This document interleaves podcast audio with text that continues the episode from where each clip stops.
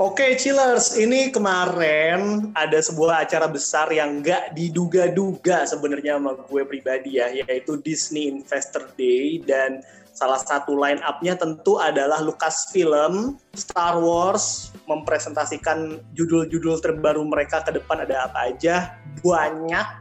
Dan beberapa menimbulkan kejutan juga. Dan sekarang kita mau ngebahas nih beberapa poin penting, beberapa judul yang menarik barengan sama narasumber kita. Jaelah ini dari Order 66. Dia adalah Hai Randy Fajri. Eh, Randy apa kabar, Ren? Halo, halo. Alhamdulillah sehat. Alhamdulillah sehat. Randy ini semakin lama semakin sering nge-review di kita loh.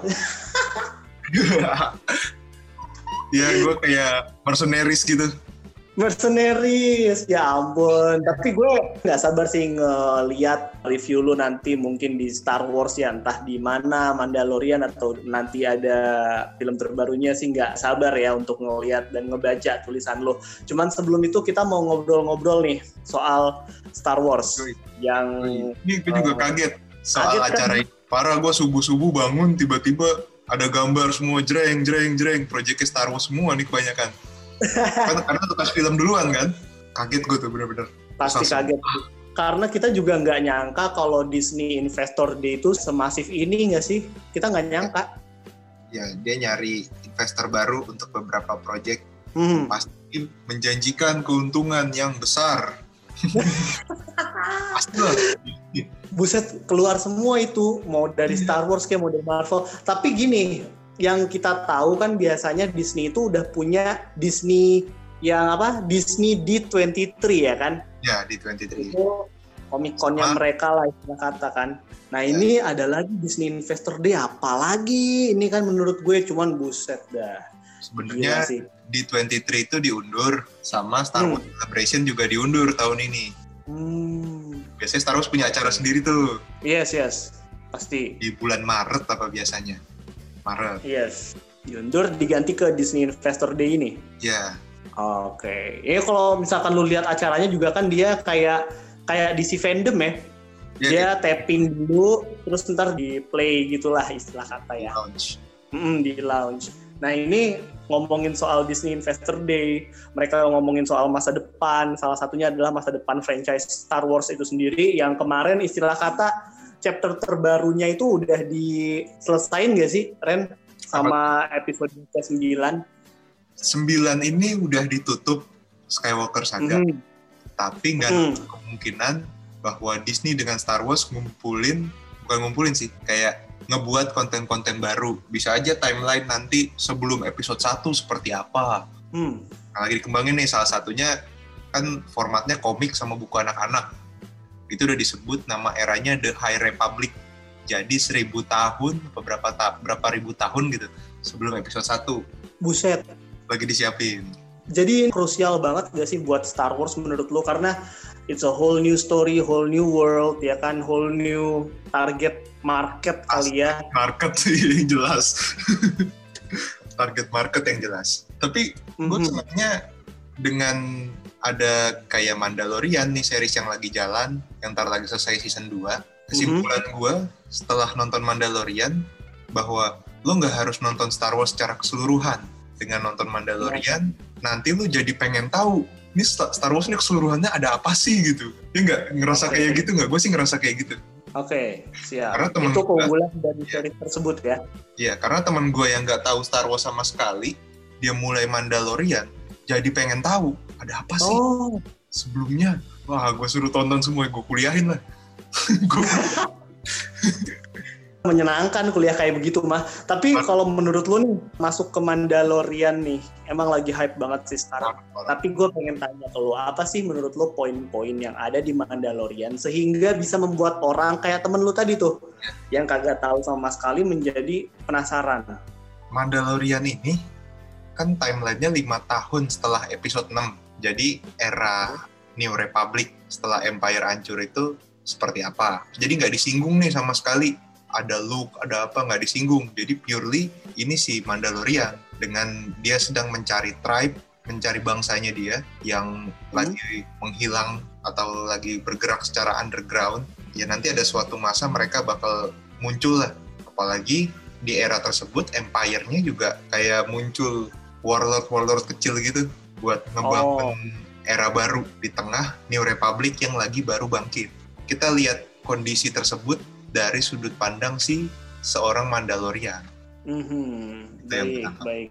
Ada sesuatu yang baru lah. Jadi yang nggak tahu mm-hmm. Star Wars juga jadi pengen cari tahu. Karena banyak yang baru-baru juga di situ yang nggak berputar di look lagi, look lagi gitu ya. Masalah keluarga itu yang nyeret-nyeret satu galaksi. Sebenarnya kan intinya Star Wars masalah keluarga. ya, benar. Tapi walaupun masalah keluarga sekarang ya jadi besar gak sih? Besar urusannya cuy. Jadi ke mana-mana. Jadi ke mana-mana. gokil emang itu yang gue suka sih emang dari Star Wars ini kok bisa mereka bikin gue merasa ingin tahu ingin kepo tentang urusan keluarganya mereka gitu ya cuman ya ya itulah salah satu magisnya Star Wars. Nah ini Mandalorian season 3 ya nanti bakal rilis ya. Ini kan season 2 ntar lagi selesai mereka udah merencanakan bahwa akan lanjut di season 3 kapan tuh? Belum tahu masih dirahasiakan. Oh, yang jelas Mandalorian ini adalah benchmark yang baru untuk buat ngenalin Star Wars lagi ke market yang lebih baru gitu. Kan. Yes, dan mereka so far berhasil ya?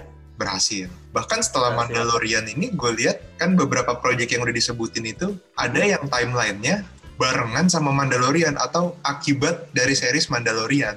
Nah, ini kita masuk ke seriesnya berarti nih. Yang gue tahu judulnya itu Asoka, bener? Benar.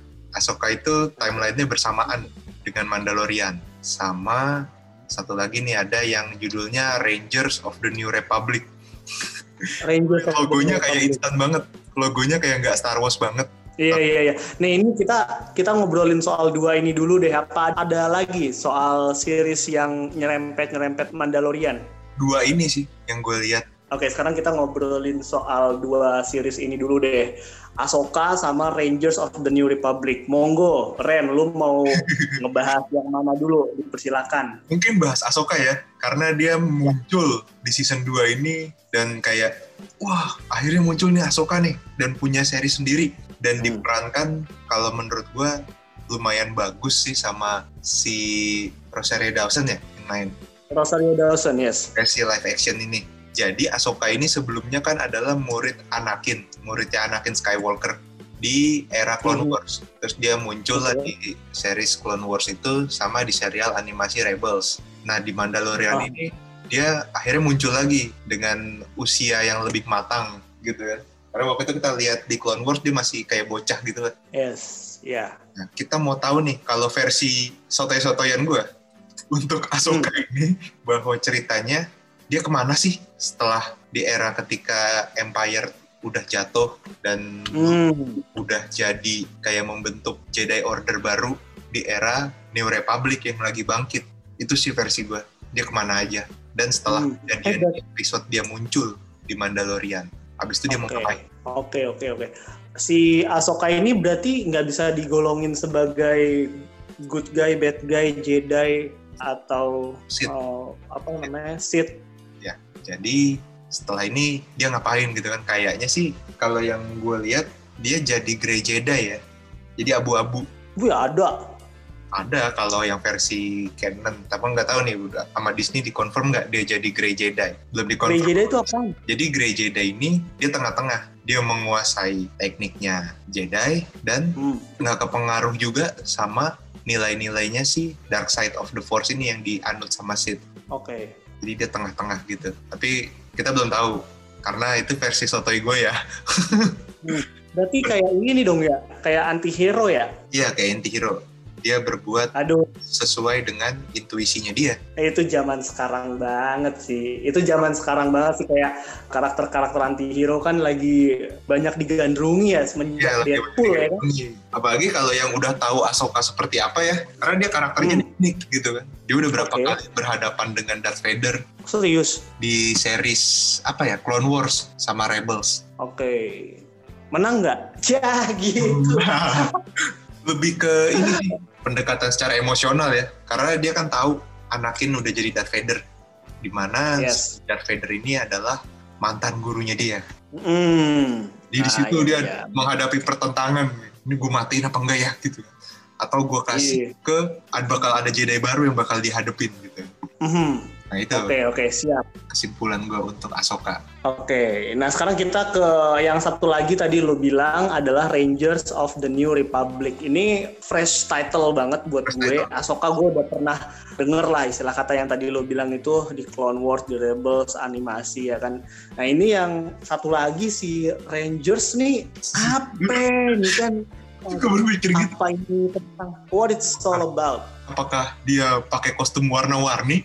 Beda franchise dong. Sebutnya Rangers juga kan. Kostumnya warna-warni. Itu, itu Power Rangers. Yes. Ntar dia pakai Megazord. Kalau ini kan kita nggak tahu nih pakai apa doi kan. Gimana nih? Rangers of the New Republic itu apa sih? Jadi dia ini kalau versi gue ya, kita udah lihat di series Mandalorian di mana ada perwakilan tiap planet yang ditunjuk hmm? jadi hmm? kayak serifnya gitu lah, sheriff sama marshallnya gitu kalau era-era cowboy, kalau film-film cowboy. Yoi. Terus? Dia menjadi representasi dari beberapa planet yang ditunjuk hmm. oleh officer dari New Republic. Udah bukan rebel lagi ya. Udah membangun New Republic. Jadi hmm. mereka adalah sekutu dari New Republic. Tugasnya ya mengamankan planet, planetnya dia dari ah. ancaman-ancaman para Empire, dari ancaman Empire kan Empire iya. terpecah tuh masing-masing di planet masing-masing dia pecah dia jadi world baru. Di situ dia menjalankan bisnisnya gitu kan. Ada crime business ada yang dia mencoba untuk membangkitkan Empire lagi gitu kan. Mm-hmm. jadi di sinilah gunanya si Rangers ini adalah menjaga keamanan dan keselamatan galaksi. Tapi dia jadi representasi planetnya gitu. Beberapa planet yang ada di Star Wars. Wih banyak dong cuy kalau planet-planet gitu salah satunya kan dia di series Mandalorian ini Karadun kan yang udah terpilih jadi Rangers of the New Republic di planetnya okay. dia. dia jadi kayak sheriffnya gitu itu berarti karena tadi lu bilang sheriff sih gue juga kan uh, ini nggak terlalu ngikutin yang si Mando ya sheriff itu dalam artian pilot gitu ya penegak hukum jatuhnya Oh, soalnya gue lihat kayak di promotional stillsnya gitu kayak kelihatan nampak macam pilot gitu kan, pilot TIE Fighter gitu. Pilot gue kira pilot. Ada yang bekas trooper, ada yang dulu dia jadi bounty hunter gitu kan. Oke, ada yang bekas trooper, berarti dulu jahat gitu. Karadun ini kan bekas ini fire trooper. Oh. Beralih oh, ke, eh dia dia bekas shock trooper, sorry, fire trooper lagi, shock trooper. Oh. Jadi shock trooper okay. ini yang memberikan serangan kejutan pakai senjata dari berat gitu kan. Hmm, memberikan blitzkrieg ya. Yoi, blitzkrieg. Serangan kilat. Blitz. Iya. Kan dia ada tatonya gitu kan. Dia punya tato bekas shock trooper gitu kan. Dan dia beralih ke rebels, dia ngebelot. Oke, okay, siap. Jadi itu tuh beberapa insight baru soal series-seriesnya Star Wars Universe. Wih gila. Menyebutnya Star Wars Universe boleh lah ya.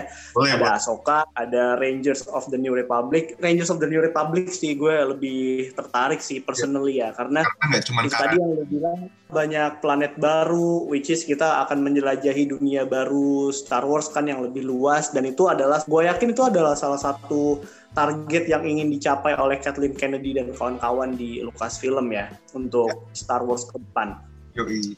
Nah ini setelah Ahsoka, Mandalorian, Rangers of the New Republic, ini masih ada beberapa series lain sih yang menarik ya. Ada, ini gue sebutin dulu kali ya. Nanti lu mau bahas apa juga boleh lah, terserah. Iya. Ada The Acolyte, ada The Bad Batch, terus ada Droid Story, Lando, Andor, dan yang paling geger sih Obi-Wan sih anjir. Itu bisa ya. geger. Gue pas tahu nama Hayden Christensen bakal jadi Vader lagi bro. Iya balik lagi kan dia ya?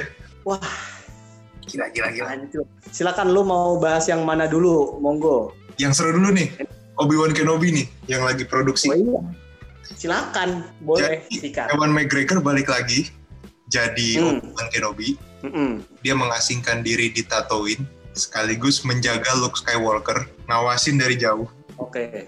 Nah, ini menarik nih karena dia bakal ngapain aja gitu kan menghadapi era ketika Empire lagi naik-naiknya dengan yang dipimpin oleh Darth Vader dan Emperor Palpatine. Mm. Dan mungkin kita bakal lihat Darth Vader lagi serem-seremnya Mungkin kita bakal lihat itu karena kan kita udah ngelihat itu di Rogue One ya, Rogue One menit-menit terakhir.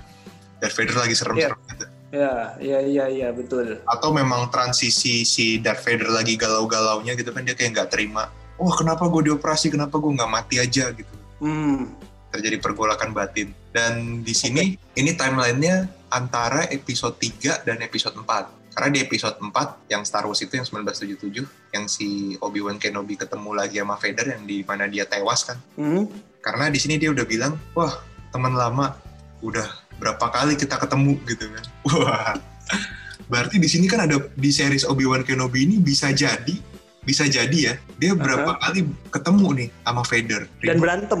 Iya, dia berantem. Yang gue harapkan Ah. seperti itu. Iya iya, banyak kan bilang dan berharap sih sebenarnya bahwa dengan adanya Obi-Wan ini semoga kita bisa ngelihat pertarungan epic lagi nih antara si Ewan McGregor lawan si Hayden Christensen ya kan. Ya. Nah ini tadi lo udah sebutin bahwa di film ke berapa tuh? Berarti film ke berapa tuh, Ren? Episode 4 Keempat ya. Ada quote kayak gitu, dialog kayak gitu, udah pernah ketemu sebelumnya ya udah harusnya sih ada ya. Ada, harusnya ada. Setelah episode Yoho. dan episode 4 itu kan udah jauh ya, jeda Mhm. beberapa tahun. Gokil, gokil. Nah ini yang paling lo kangenin berarti dari Obi-Wan itu lebih ke mananya sih? Kalau gue kan tadi udah dari awal kan ke Hayden Christensen-nya. Kalau lu berarti ke ke mananya? Dia menghadapi apa aja sih selain ngawasin lu. Oh, Seru tuh. oke, Obi-Wan ya. Iya, dia udah ngadepin apa aja, ketemu sama Tusken Rider, ketemu sama apa lagi ya. Apa aja sih yang dihadepin di masa itu selain ngawasin lu. Mhm, apa dia berpolitik, ngawasin Princess Leia juga di planet Alderan. Kita nggak tahu. mhm.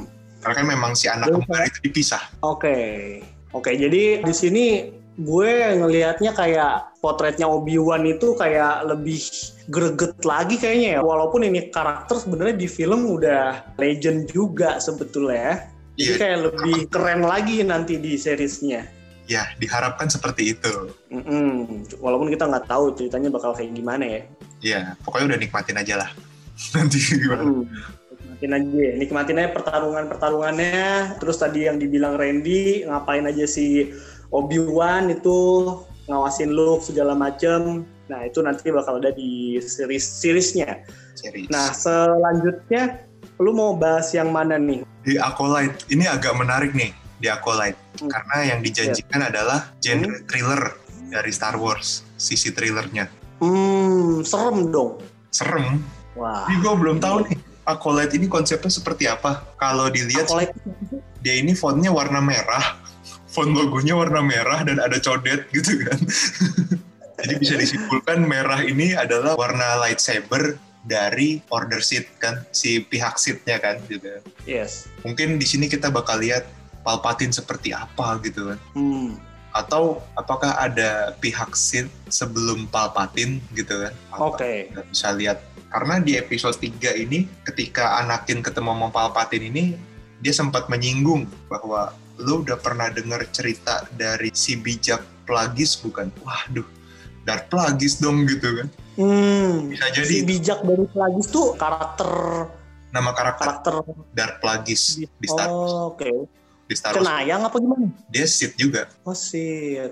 Jadi dia menceritakan Darth Plagueis mungkin di sini ya. Jadi dibuat Mm. nama Disney gitu kan. Atau kita melihat peradaban Sith seperti apa gitu kan. Oh. bisa jadi karena gue melihat fontnya merah ada codet gitu kan Mhm. Iya iya iya.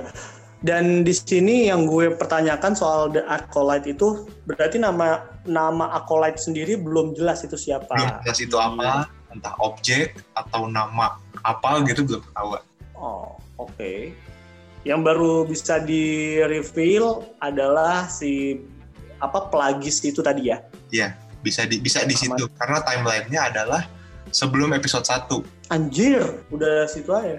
bisa jadi ada di era High Republic ketika Jedi lagi di masa kejayaan mereka Oke. Jadi kita bakal melihat sebuah dunia yang kelam gitu kali ya, Sid. Bisa di Eh, di situ padahal konteks yang ada di luarnya justru Jedi yang lagi berkuasa gitu. iya lagi dalam masa kejayaan lah di situ Mhm. bangkit Bangkitlah dark side. Wah, seru sih. jadi genrenya thriller lagi kan serem. Iya, pas banget cuy. Itu pas banget menurut gue. Jadi kalau misalkan gue lihat memang Star Wars itu adalah franchise kayak ini pernah kita obrolin juga deh, franchise yang bisa membuat musuh-musuhnya itu terlihat keren ya. Dark side lah, Sith lah, keren lah gitu ya. Jadi kelihatan keren. Gak cuma dari penampilannya, kayak Stormtrooper saja kan itu konco-konco udah keren. Tapi juga dari story-nya Story. jadi lewat The Acolyte ini seperti yang lo bilang tadi Ren, gue nangkepnya kayak ini adalah salah satu bukti atau bukti berikutnya bahwa Star Wars is not just about the Jedi but also the dark side ya kan ya? Oh iya, bisa begitu. Gokil sih, mereka tuh bisa kepikiran aja ya kayak gitu ya. Istilahnya franchise nih, mereka udah punya franchise apa gitu ya. Terus diperluasin bener-bener diluasin, dikulik, dikorek sampai ke dalam-dalamnya gitu loh. Apa nih yang bisa dikembangin gitu kan? Ceritain apa, apa nih? Hmm, tapi kalau misalkan kayak gitu, sebenarnya ada kekhawatiran juga untuk tidak bertindak terlalu jauh gitu ya. Kayak pernah kejadian sih menurut gue di franchise lain tapi The Hobbit itu Iya. banyak yang bilang bahwa itu sebenarnya bukunya tuh tipis, kecil, cuman dijadiin film sampai bersequel. Hmm. Tapi kenapa dibuat trilogi? Nah, itu makanya semoga aja ini tidak menjadi seperti itu. Dan ngelihat ini adalah series gitu ya, menurut gue sih harusnya sih nggak sampai ke level itu. Oke, jadi tadi The Acolyte udah, gue penasaran sama Andor sih, Ren. Andor ini kan dia pertama kali muncul di Rogue One. Tadi lo bilang saat Vader tuh lagi prime-prime-nya di situ, seabis Rogue One ya kan? Iya. itu one of the most favorite sih buat gua karakternya ya si Ender ini. Iya. Cuman nggak nyangka aja sih ternyata dia dapat seriesnya sendiri. Apakah ini cuman gara-gara inklusivitas karena Andor itu diperankan oleh seorang Hispanik atau memang sebenarnya ini karakter menarik gitu? Ya, bisa jadi ada poin seperti itu. Jadi ada yang diperankan oleh Hispanik gitu kan. Jadi Star Wars ini keberagaman. Itu kan salah Hmm. satu misinya Disney. Mhm. Wah, ya ini Star Wars ini multiras gitu kan. Wih, gila. Multiras. Dan gue lihat di Rogue One ini Andor ini sebenarnya bagus. Dia karakter yang menarik, tapi Ah. dia porsinya kurang. Iya. Karena kan yang utamanya si ini Jin Erso. Dan Erso dan tim yang tiba-tiba kenal gitu kan. Dan dia ini enak digali, enak buat digali karena dia adalah mata-mata dari pihak rebel kan, mata-matanya rebel gitu. Hmm. Sepertinya ini bakal jadi genrenya spionase gitu nggak sih? Idih, sedap bisa jadi tuh bro. Yoi, bisa kan? Apalagi pas dia reveal case-nya, mostly cewek gitu kan. Hah? Banyak kan cewek. Serius? Baru sementara yang di reveal adalah cewek. Waduh, jadi James Bond dong. Gitu kan. Gue mikirnya gitu, wah jadi spionase nih. Si- tapi si siapa sih nama aktornya Diego Luna masih Diego sebagai kasihan dia Andor kan? Pasti dia jadi Andor kan. Iya. Waduh, Oh ini cewek-ceweknya ini James Bond dong. Atau sama-sama mata-mata juga kan. Ini tipu menipu Oh. ada di sini nih gitu kan. iya iya iya iya. Siapa aja yang masih lu inget Ren? Ada nggak? Yang jadi ininya, yang jadi Mon Mothma-nya, yang jenderalnya si Rebel, Mhm. yang standby di Yavin, terus sisanya siapa lagi ya? Jadi di sini kita lihat ada Genevieve O'Reilly, Dennis Gau, sama Stellan Skarsgård. Wow. Wih anjir. Oke lumayan tuh. Jadi mereka jadi apa itu belum ketahuan. Oh, Oke. siap. Tapi kayaknya seru nih. Mon Mothma-nya masih main gitu kan. Hmm. Jadi dia kayak agen lap agen, iya, agent lapangan, mata-mata gitu kan, spionase, tipu menipu itu biasa gitu kan. Iya iya iya. Di sini ada double agent pasti ada gitu. Ya, Ya, double cerita spionase lah. Tadi kita udah dari Andor ngomongin soal possibility untuk menjadi film agen rahasia. Nah kalau yang ini possibility-nya ke mana nih? Gue pengen ngomongin soal Lando. Iya. Lando. Ini yang mencuri perhatian gue dari sekian banyak Hmm. kayak wah Lando nih gitu. Taruhnya di timeline mana gitu kan. Oke. Bisa jadi ini adalah setelah Solo Star Wars Story yang filmnya Ah. biasa banget. Lando ini kan karakter menarik karena di sini dia adalah pebisnis, pebisnis dalam tanda kutip, terus sportsman. Dia punya petualangan sendiri juga. Jadi kayak film-film Ocean Eleven gitu. vibe-nya menurut gue. Oh, oh ini heist, yang ini heist ya? Ya, gimana dia berjudi gitu kan. atau Yo, gimana dia berurusan sama kriminal atau dia berbisnis gitu kan. Tapi Lando sendiri kan waktu di Han Solo itu diperaninnya sama si di Sis Amerika. Siapa sih namanya? Aduh, lupa ya, gue. Donald Glover uh, nama aslinya. Donald Glover ya itu di Sis Amerika anjir. Sama Donald Glover itu kan istilahnya dia emang dari awal udah ada di dunia yang kelam gitu gak sih? Iya, dark darknya itu dia ngapain gitu kan. Apalagi kan dia ini pebisnis gitu kan, dia ngejalanin bisnis apa aja sih gitu kan. Oke. Okay. Atau yang, yang series Lando ini timelinenya setelah episode 9, Lando tua. Kan belum ketahuan nih. Emang Landonya belum di reveal ya kemarin ya? Belum, cuma dikasih oh. logo doang. Oh, kasih logo. Dan belum ada informasi terbaru nih mengenai belum ada Lando. Terbaru sama sekali. Uh. mana. Dan Lando ini kan endingnya di episode 9 kan juga begitu kan? Oke. Okay. Dia balik lagi di kapal, dapetin kapal Millennium Falcon. mm-hmm. Dia pilotnya. Dan dia tuh di situ dia ada dialog di episode 9. Dia ngobrol ke bekas Stormtrooper gitu. Dia tanya, "Hey kid, where are you from?" Lu dari mana? Asalnya gitu kan. Dia nggak tahu hmm. kayak gitu karena kan Stormtrooper programnya di era First Order kan memang diculik dari kecil uh. terus Lando yang ngejawab dan sambil senyum dia bilang let's find out. Ayo kita cari tahu. Kurang jadi kerjaan ya? pakai Millennium Falcon. Dan ketemu apa aja. Jadi belum oh. ketemu sekali. Lando seperti apa seriesnya?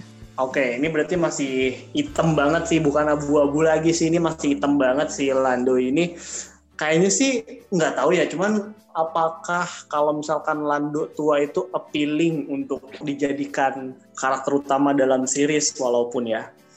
Gue nggak tahu gitu. Itu cuman bakal jadi gambling banget sih untuk Disney kalau menurut lo gimana yeah. lo lebih prefer ke yang setelah 9 atau yang satu lagi tuh yang tadi lo sebut di mana timelinenya yang setelah Solo setelah Solo mm -mm.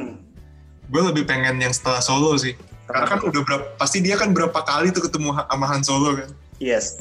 Jadi mereka pisah jalan gitu di endingnya Solo kan. Mm, betul. Jadi Solo kerja sama Jabba the Hutt, Lando mm -hmm. jalankan bisnisnya dia. Oke, okay. oh iya iya iya. Eh, abis dari situ si Lando ada lagi di berapa ya? Di episode 5, Empire Strike Back, hmm. teman lama. Empire. Itu udah tua? Udah tua. Ya, maksudnya udah nggak se celing-celing di sisa Amerika lah ya. Iya. ya Donald Glover ya Allah lama gitu kan Iya, ya. oke menarik juga. Menarik sih. Kalau misalkan ini kita berandai-andai deh. Kalau misalkan si Lando itu ternyata tetap berada di setelah Solo, castnya bakal balik juga nggak? Which is Donald Glover will be back as Lando, terus Alden Ehrenreich juga will be back as Solo. Pasti sih, kayak ngebayar kemarin, ngebayar kualitas Solo yang biasa banget. Uh -huh dan secara finansial nih solo Star Wars Story pendapatannya paling kecil. Hmm, boleh. Bayar di sini nih kalau memang timelinenya di situ. Kalau timeline di situ ya. Nah, sekarang gue tanyanya balik. Kalau misalkan Lando ternyata ada di setelah episode 9, menurut lu itu strong enough gak sih buat menarik masa termasuk orang-orang yang baru nonton Star Wars. Kalau menurut gue nih dia setelah episode 9 itu kayak gambling sih buat Disney. Hmm. Oke. Okay. Takutnya kayak gimana-gimana dan kita taunya Lando udah tua, tahu lo siapa gitu kan. Hmm. Buat yang belum nonton Nanti Star Wars sama sekali gitu ya. Yes. Nanti tahu-tahu Landonya dipasangin sama karakter yang lebih muda gitu kan. Biasanya kan gitu ya formulaiknya ya. Jadi malah nggak dapet ya. Nggak dapet feel-nya Hmm, I see. Oke. Okay. Ada gitu. Oke, okay, we will see apakah Donald Glover dan Alden Ehrenreich bakal kembali gitu ya. Yang jadi karena oh siapa uh, Targaryen? Aduh. Oh. Um, Kira Kira namanya. Kira ya namanya. Kira.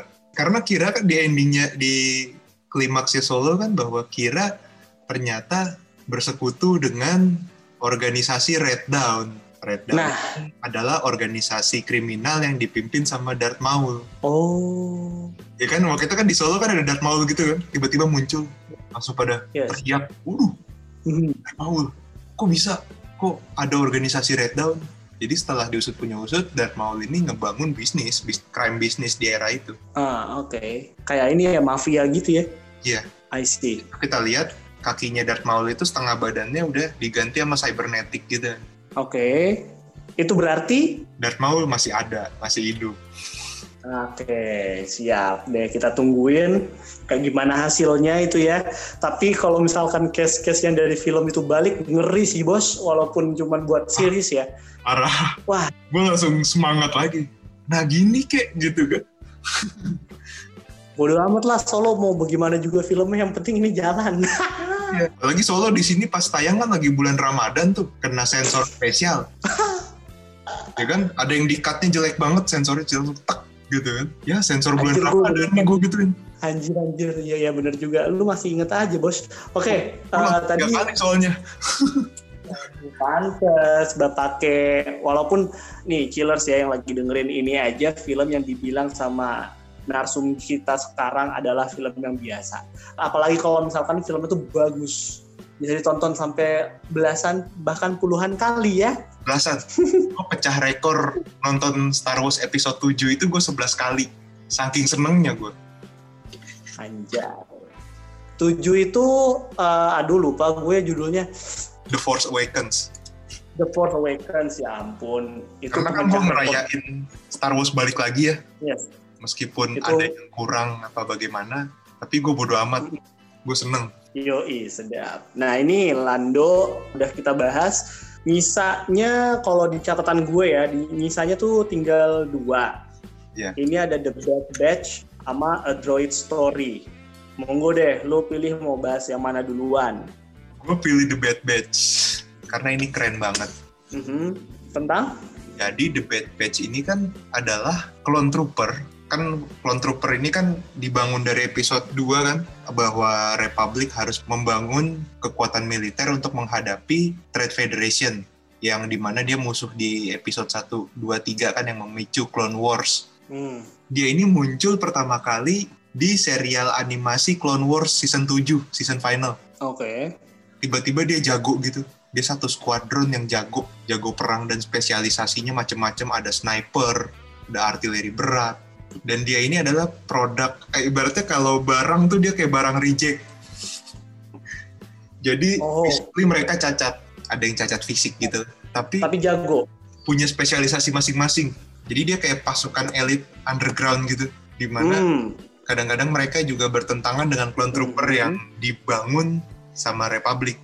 Jadi di era Clone Wars pada saat perang pada saat Clone Wars itu kan Jedi itu memimpin beberapa Clone Trooper karena hmm. Jedi ini jumlahnya dikit kalau menghadapi Trade Federation yang segitu banyak dengan berbagai persenjataannya pasti kalah. Oke. Okay.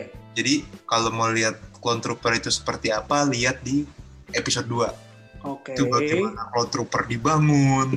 Nah, The Bad Batch ini adalah barang reject. Dia satu squadron itu aja The Bad Batch itu satu planet bisa habis sama mereka doang. Anjir, jago banget nih. Jadi si The Bad Batch ini dia oke okay, berfokus pada satu skuadron tim elit tertentu. Cuman apa misinya dia? Misinya dia adalah sama seperti Clone Trooper. Dia di pihak Republic ngadepin Trade Federation. Terus di sisi lain dia ini kan fungsi Clone Trooper ini kan dia nurut sama Jedi ya gitu kan. Jadi Jedi ini adalah jenderalnya gitu kan. Uh -huh. Nah The Bad Batch ini nggak punya. Dia satu skuadron yang bergerak sendiri. Oh rebel. Di bawah perintah, nggak ada perintah Jedi. Dia nggak ada atasannya hmm. lagi. Jadi dia satu skuadron yang bergerak sendiri. Oke, okay, menarik ini. Ada berapa isinya tuh si The Bad Batch ini? Tujuh apa kalau nggak salah. Hmm. Orang doang. Ngeri ya? Tujuh ya. ngeri, ngeri, ngeri. Dia nakal istilah kata ya, bergerak sendiri, tapi juga ini jago ya. Jago. Dia bisa ngabisin satu satu spot yang dikuasai nama musuh sendirian. Sendirian Oke, okay, baiklah. Udah ada pengumuman case-nya belum untuk si The Bad Batch ini? Ini jadi, ini formatnya adalah animasi. Oh, berarti alih suara. Ya, Daber. Daber. Uh -huh. Karena ini kan karakter menarik ya, tiba-tiba muncul di Clone Wars season terakhir kayak di episode-episode awal. Dan mereka terlihat keren. Oh, boleh juga nih. Star Wars ada pasukan elit yang bergerak sendiri Berarti disamain konsepnya dengan awal mereka pertama kali diperkenalkan ya ke publik gitu, tetap okay. dalam format animasi. Cuman yang gue lihat di sini dan berdasarkan lagi-lagi yang lo bilang, walaupun ini format animasi Killers, cuman akan menyajikan banyak action yang keren sih menurut gue. Asalkan, asalkan ya. Yeah lawannya juga seimbang pak karena kita juga males kalau misalkan ada yang overpower gitu lawannya Jedi gitu kan kalah juga sih lawannya yang seimbang iya kalau si pihak Star Wars ini kan menyebutnya The Bad Batch hmm. tapi nama resminya dia adalah Clone Force 99 oh pasukan elit squadron yang isinya kayak clone cacat gitu mereka menyebut dirinya Clone Force 99 nah ini Bad Batch udah selesai kita obrolin sekarang dari yang perang-perang kita ke yang lucu-lucu aja gimana? Ini ada A Droid Story. A Droid Story. A Droid Story ini hmm. belum tahu siapa yang nanganin timeline uh -uh. mana. Hmm. Tapi menurut gua kalau untuk mendapatkan market baru ini ditempati hmm. di setelah episode 9. Karena droidnya beragam. Ah. Ya enggak sih? Yes. ada si 3PO, ada si 3PO udah nggak ada ya di situ ya setelah episode 9. Dia kan mengorbankan diri nggak sih si Tripio? Mengorbankan diri. Jadi kita oh. bisa lihat R2D2, BB-8 sama Dio. Oh, oke. Okay. Dan droid-droid baru yang bisa ada mainannya. oh, fix. Fix. Fix. Fix bis. Tapi emang Star Wars tuh selalu bisa nyiptain droid-droid keren dan lucu sih ya. Tadi lu bilang BB-8 ya kan. Sebelumnya angkatan sebelumnya ya si siapa tuh namanya? DPO sama Artu Ditu. Artu Ditu ya kan? Ha, iya iya iya. Kira-kira yang jadi eh, berarti ini nggak ada nggak ada karakter manusianya gitu Ren? Ada ada manusia mungkin di sini, tapi manusianya nggak terlalu bisa jadi fokus cerita gitu kan. Tapi yeah, yang yeah. main karakternya adalah droid. Jadi ada R4, R4 ini warnanya apa gitu merah apa? Ada R2D2 udah jelas yang ikonik atau ada L3 L3 ini kan yang di Solo kan yang hmm. akhirnya jadi sistem navigasi Millennium Falcon tadinya kan dia yeah. navigatornya Lando gitu co-pilotnya Lando terus hmm. ada BB-8 udah jelas tuh tapi Ren secara luas droid-droid yang ada di Star Wars itu bisa dikelompokin gak sih? Misalkan oh droid yang kayak gini jenisnya tuh A yang kayak gini tuh jenisnya tuh B yang kayak gini jenisnya tuh C. Itu kayak gitu nggak sih? Apa random aja gitu udah? Droid droidnya banyak gitu. Kalau banyak jenis. itu itu setipe. Jadi tipenya ya begitu. Karakter apa sorry? R2D2 yang droid itu yang oh R2D2 bentuknya okay. kayak gitu cuman nama hmm. lain ada yang bisa bisa beda warna bisa beda bentuk kepalanya itu tipenya beda lagi tuh namanya oke okay. si BB-8 gimana BB-8 ini kan tipe baru ya, kita baru lihat di episode 7 ya, 789 ini. Uh, yes. Hmm. Terus lucu. Soalnya gue sempet gue sempet ngelihat kayak ada BB-8 tapi warnanya hitam manjir. Nah, gue nggak tahu sih itu fanmade atau bukan ya, cuman kan di episode 8 itu ada kan? Iya, makanya palanya, palanya kotak bener. Jadi gimana buat droid baru aja. Ah, oke. Okay. Oke. Okay.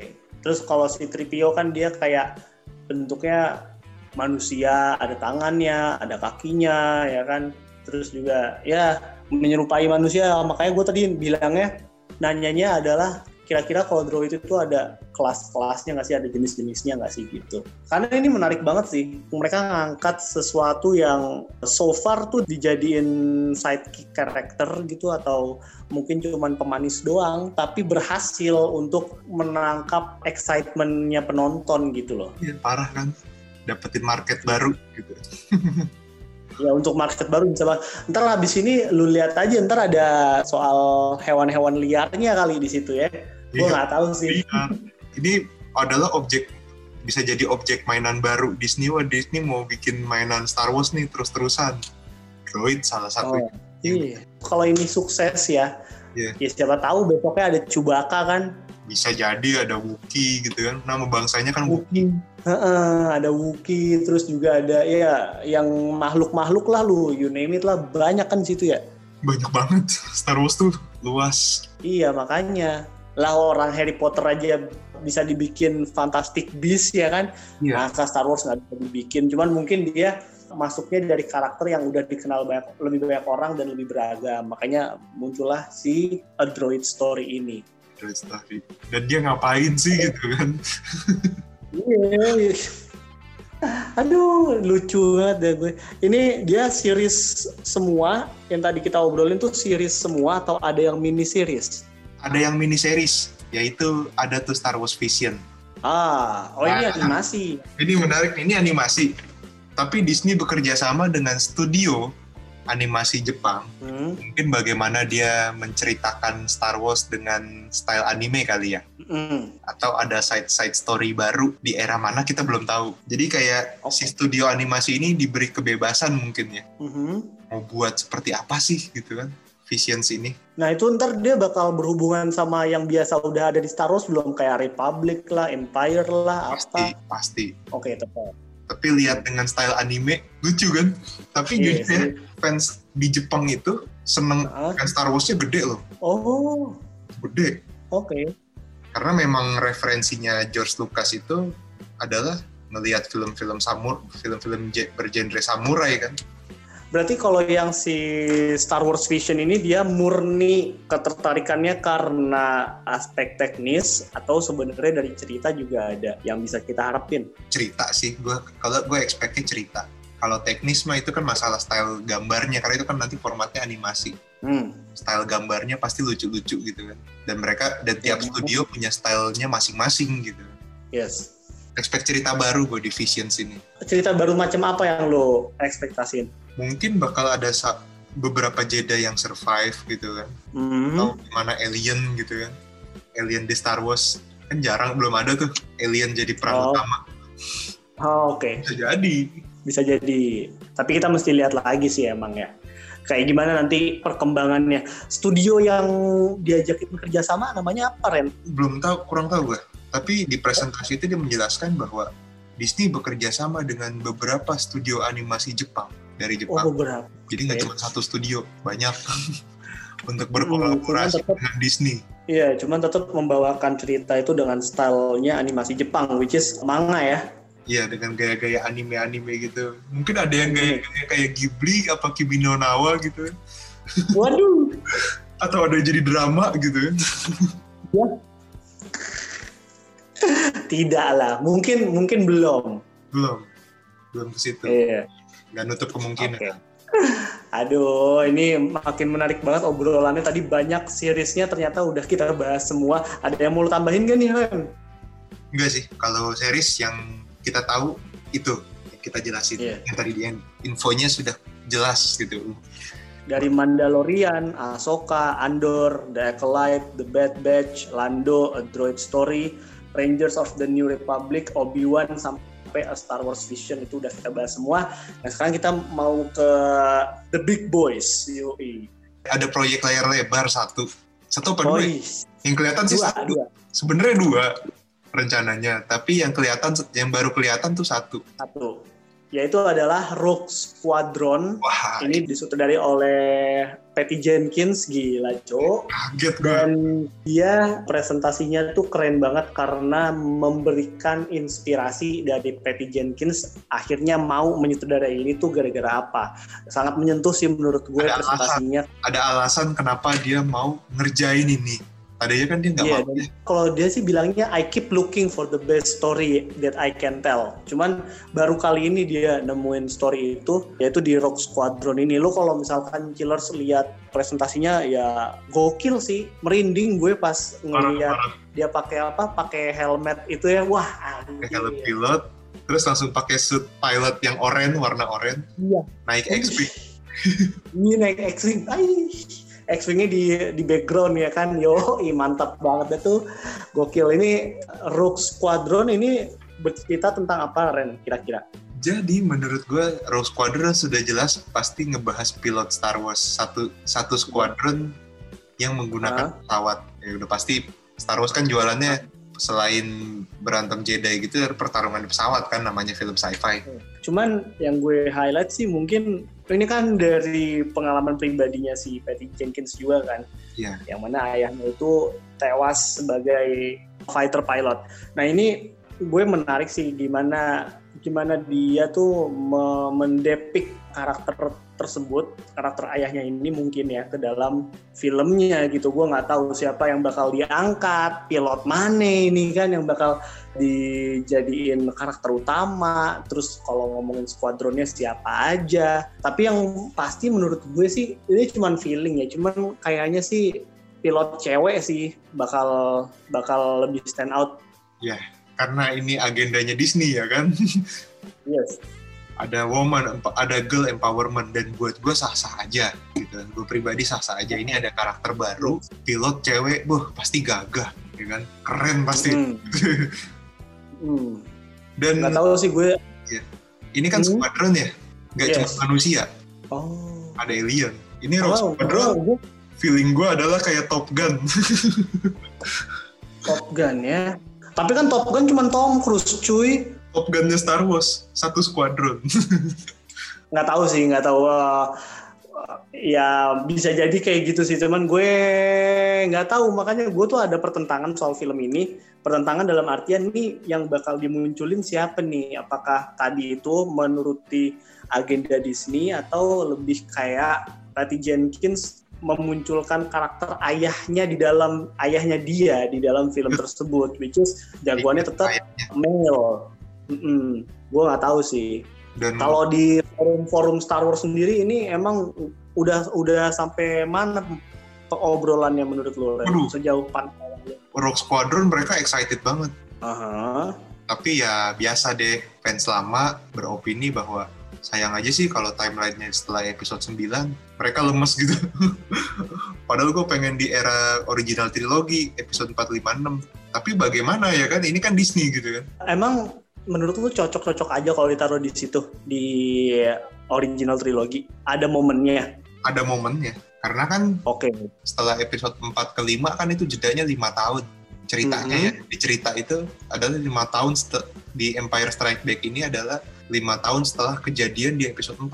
Oh itu seru tuh. Sama-sama seru sih. Hmm. Oke, okay. itu bisa dimanfaatkan ya gap waktunya ya. Iya, bisa di situ. Tapi kalau memang setelah episode 9 ya sah-sah aja buat gue. Hmm, Oke. Okay.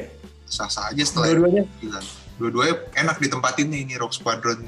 Di mana aja jadi. Di mana aja jadi. Oke. Yang penting kalau misalkan Rock Squadron ini selain squadronnya kayak gimana, karakternya seperti apa nanti yang jadi utama ya kan ya ininya juga sih pasti kita bakal harapin dogfight-nya ya oh, dogfight oh, uh, space dogfight-nya kayak gimana Jelas. Itu yang ditunggu. Dan kalau bisa pesawat model baru lah. Iya, gue pengen lihat pesawat baru. X-Wing ya boleh lah iya. X-Wing gitu kan. X-Wing itu udah legend lah, yes. istilahnya udah ikonik lah. Mm -mm. Mungkin ada pesawat baru, nanti ada bomber gitu kan. Wih, wih, wih, wih. Pesawat bomber kan udah ada di Star Wars ya. Ada yang Y-Wing Fighter yang biasa warna kuning. Hah? Iya, Y-Wing Fighter itu pesawat bomber. Oke, okay. Pesawat favorit lo di Star Wars apa Ren? Sudah jelas pasti gue seneng Millennium Falcon. itu mah one and only. itu udah gede banget gitu kan dan, dan dia multifungsi gitu kan selain selain kargo dia bisa buat dogfight juga. Segede itu padahal ya buset. Senjatanya banyak, ada di atas, hmm. ada di bawah. Di atas di bawah itu yang cannon yang kepisah. Yes sedap lah pokoknya ini Rogue Squadron dari Patty Jenkins secara sutradaranya udah bagus materi filmnya juga menarik karena squadron terus juga pilot udara gitu ya istilahnya. Wah banyak yang bisa kita harapin sih sebenarnya apalagi squadronnya sendiri bisa ngasih representasi banyak banget. Ini yang kedua ada satu lagi film dari Star Wars cuman belum dikasih apa-apa sebenarnya. Cuman dari nama Taika Waititi sih menurut gua udah oke okay, ya oke okay lah. Oke okay lah take my money. terserah dia mau ngapain di sini kalau misalkan Taikanya memang kembali menampilkan warnanya maybe it's gonna be one of the funniest movie Star Wars ever had. Ya nggak sih? Yoi, dan materinya terserah. Terserah hmm. dia. Gue gua masih ingat banget gimana dia itu mengubah Thor yang awalnya itu lebih ke serius ya kan tahu-tahu diubah sama dia jadi lebih fun witty entertaining nah itu gue nggak tahu apakah nanti dia juga bakal ngelakuin hal yang sama untuk filmnya nanti di Tapi Star Wars ya. Taika Waititi ngegarap salah satu episode di Mandalorian. Oke. Episode berapa gitu gue lupa. Di season 1 tuh Hmm. ada. Dan dia ngisi suara droid yang di episode 1 Mandalorian season 1. Oke. Dia ngisi suaranya. Pokoknya suka-suka dia nih. Tapi menurut menurut lu dari episode itu gimana Ren? Emang itu Taika banget atau banget. Taika lebih mengalah egonya sehingga episode itu lebih matching dengan episode-episode yang lain? Itu udah Taika banget. Gue udah kelihatan. Taika Waititi banget. Karena dibuat semenyenangkan itu. Tapi tetap entertaining. Nggak keluar jalur. Oh, oke. Oke, oke, oke. Nyelenehnya tetap ada ya? Sebenarnya tetap ada. Hmm. Oke, itu itu yang belum bisa kita banyak kasih tahu sih soal film ini ya, karena masih untitled. Kita nggak tahu Star Wars apa ya. Cuman dari sutradaranya sih Taika Waititi udah bagus. Kita nggak tahu sih, belum ada informasi lebih lanjut. Jadi silahkan kalau buat chillers yang lagi dengerin lo menghayal, mengawang-awang gitu ya. Silahkan kasih prediksi terliar lo buat beberapa proyek barunya Star Wars karena memang banyak yang masih masih awal lah direpresentasiin, dipresentasikan, sorry. Nah ini Ren ada tambahan nggak dari lo soal dua film ini nih, Rogue Squadron sama Untitled Taika Waititi? Gue setelah denger nama Patty Jenkins sama Taika Waititi, gue udah berserah diri. Sudah terserah dia mau ngapain. Mungkin produsernya atau yang nulis naskahnya adalah. Dave Filoni tuh. Star Wars banget. Karena Oke. dia udah berhasil mengeksekusi serial Mandalorian. Itu mostly dia. Hmm. Dan dia udah ngerjain serial animasi Clone Wars. Hmm. Wah ini udah Dave Filoni banget nih gue gituin.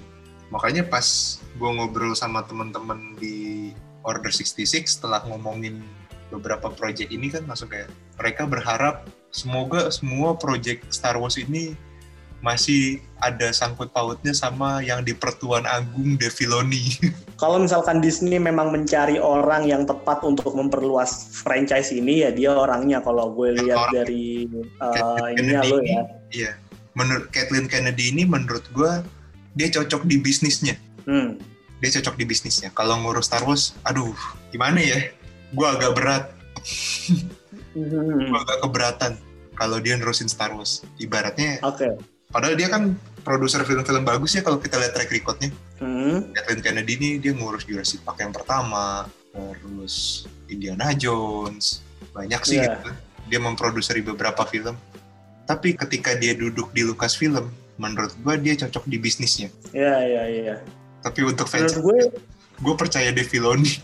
Oh, tapi kan beda Ren. Dave Filoni ya, she's, she atau he sih gue nggak tahu. Cuman dia script writer kan. scriptwriter dan Nah, kan sutradara Kathleen Kennedy kan lebih ke produser. Jadi kalau misalkan Kathleen Kennedy dan timnya dia yang ngurusin bisnis, producing apa segala macam memang pengen memperluas Star Wars, ya si Dave Filoni emang udah cocok untuk jadi scriptwriternya gitu loh maksud gue. terus teknisnya lah bagaimana Iya, nanti kalau urusan bisnis apa segala macem ya itu urusan si Kathleen Kennedy dan kawan-kawan. Iya. Dan ini nih ada yang seru nih. Ternyata mereka berdua sering gak ketemu, sering gak sevisi, oh sering tabrakan. Nah, ini yang bakal bahaya. Itu udah itu udah ke up sama media bahwa terjadi drama di Lucasfilm. Itu ke up setelah Mandalorian Oke. bahwa ada perbedaan visi di antara mereka. Salah satu perbedaannya apa tuh yang ke up emangnya? Kayak ya namanya orang bisnis ya, basicnya orang bisnis, Hmm. dia nggak peduli kualitasnya seperti apa. Yang penting bisa dijual dan menghasilkan uang. Hmm. Sementara Dave Filoni agak keberatan di situ. Ini krusial loh, ini Star Wars loh gitu kan. Jangan asal jadi. Iya, ini Star Wars. Tapi kalau misalkan orang pada nggak tahu sama karakternya, gimana kita bisa jual? Ya. Pasti iya itu itu udah terjadi perdebatan di situ tuh di dalamnya. Oh gitu. Teman, cuman alhamdulillah sih kayaknya nggak ada berita yang aneh-aneh Aneh- dari aneh-aneh sih film sejauh ini. Aneh-aneh sih nggak ada. Pokoknya ketika ada produk Iya. jadi dan fans puas, ya udah. Untungnya Mandalorian sukses ya gokil sih emang Mandalorian tuh Bagus, uh, bagus. krusial dan krusial dan berhasil. Iya parah. Dan kualitasnya itu Mandalorian itu dari episode ke episode dia konstan. Nggak ada yang jelek. Hmm. Meskipun Iya, filler iya. ya, meskipun episode filler tuh dia nggak, ya episode filler di satu season itu masih bisa dibilang bagus lah, gitu kan. Oke. Sisanya tuh bagus banget.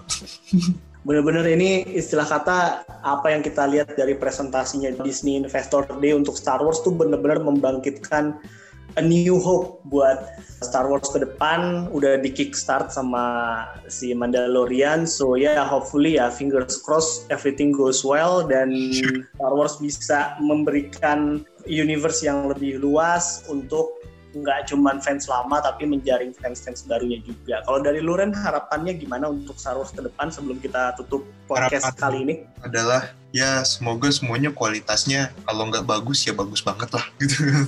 ya jadi kayak gini dong Star Wars gitu kan. Tapi gue bukan tipikal orang yang meromantisasi Uh, original trilogi ya. Berarti gue fans lama, gue meromantisasi bahwa Star Wars episode 4, 5, 6 yang paling bagus. Ya, di sequel trilogi pun gue seneng, tapi ada beberapa part yang kayak, aduh sayang banget gitu kan. Iya, di 9 tuh gue merasa kayak buru-buru gitu. Mau ke mana Oh. sih? Kalau dijelasin, kalau dijelasin satu-satu kita juga pasti nikmatin.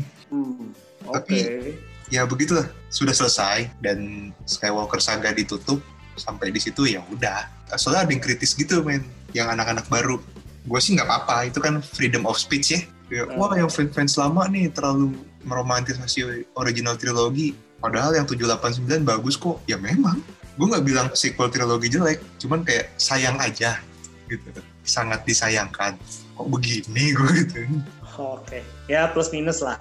Iya plus minus sih kalau di 789 ini kalau menurut gue. Ya udah kan yang udah selesai ya wis selesai. Siapa tahu nanti mungkin Skywalker Saga udah nggak dimainin lagi, tapi kita bisa dapetin insight-insight baru dari universe Star Wars yang lebih luas. Parah. Gue pengen banget. Amin. Amin. Semoga. Ah, semoga, semoga. Ya udah kalau gitu thank you banget ya Ren udah ngobrol-ngobrol di Cinetalk kali ini ngobrolin soal Star Wars kayak gimana nanti ke depannya. Sukses terus gak cuma buat Star Wars tapi juga buat komunitas lo Order 66. Yap. Happy New Year dan juga Merry Christmas buat yang merayakan. Hmm. Karena ini udah mau penghujung tahun 2020 ya. Dan jangan iya, lupa udah. dari gue untuk selalu tetap jaga kesehatan. Pandemi COVID-19 belum selesai loh. Yes, betul betul. Tetap terapkan 3M. Jadi 3M. Yoi. Dan thank you banget buat chillers yang udah dengerin dari beberapa menit ke belakang. Well, it's got, it's it's a long one, it's a long one ya. Cuman parah, parah. uh, sih kita ngomonginnya banyak banget ternyata di sini dan puas. Semoga puas chillers dengan obrolan kali ini dan kita ketemu lagi di episode berikutnya. Bye chillers. Bye bye.